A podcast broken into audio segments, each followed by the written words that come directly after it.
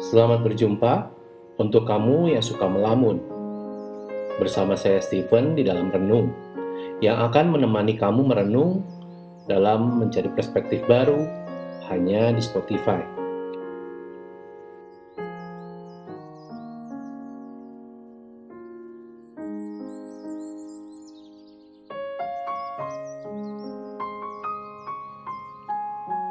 Saya sayang saya.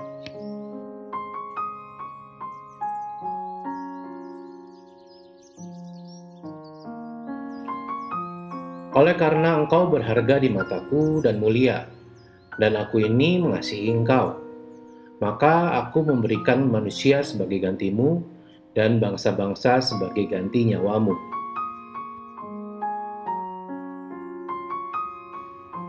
Ketika SD sampai SMA, saya termasuk pribadi yang tertutup dan tidak memiliki banyak teman. Hal itu terjadi karena saya merasa tidak sepintar teman-teman saya saya tidak sekaya teman-teman saya, dan mungkin keluarga saya tidak sebahagia teman-teman saya. Sampai saya dalam fase tidak membiarkan teman saya main ke rumah saya, karena saya tidak merasa damai oleh karenanya.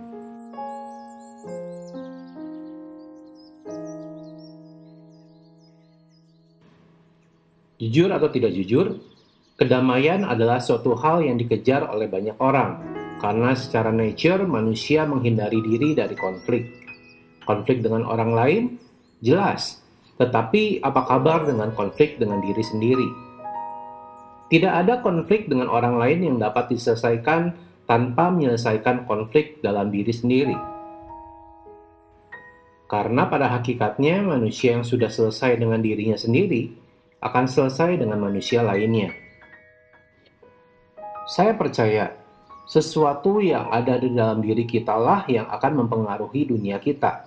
Jangan dibalik. Kedamaian yang kita dapatkan dari luar tidak akan dapat memberikan kedamaian dari dalam diri sendiri. Menerima dan bersyukur adalah kunci. Menerima keadaan diri sendiri bukanlah sesuatu yang tabu untuk dilakukan. Karena ingat, menerima dan bersyukur adalah kuncinya. Coba kita pikirkan baik-baik. Bagaimana caranya kita bisa menerima kehadiran orang lain di dalam kehidupan kita sebelum kita bisa menerima kehadiran diri kita sendiri di dalam kehidupan kita. Bagaimana kita bisa menghargai keberadaan orang lain tanpa menghargai keberadaan diri kita sendiri terlebih dahulu. Dan juga bagaimana kita bisa memberikan kekuatan untuk orang lain sebelum kita bisa memotivasi diri kita terlebih dahulu. Ingat, menerima dan bersyukur adalah kunci. Karena menurut saya, bersyukur untuk apa yang diberikan Sang Kuasa bukanlah suatu kesombongan untuk dilakukan. Ketika kita tidak merasa terlalu pandai, bersyukurlah untuk peluang menambah ilmu dan teman-teman yang menerimamu apa adanya. Ketika kita merasa tidak terlalu kaya, bersyukurlah untuk memperoleh motivasi di masa depan dan orang tua yang selalu berusaha untuk dirimu.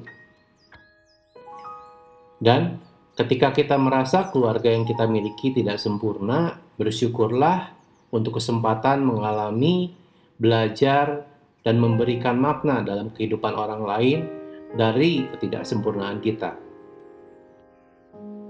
Karena kamu berharga karena kamu mulia dan karena kamu dikasihi.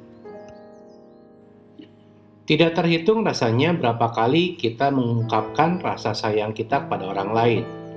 Apa jadinya rasa sayang pada orang lain itu tanpa didahului rasa sayang pada diri sendiri?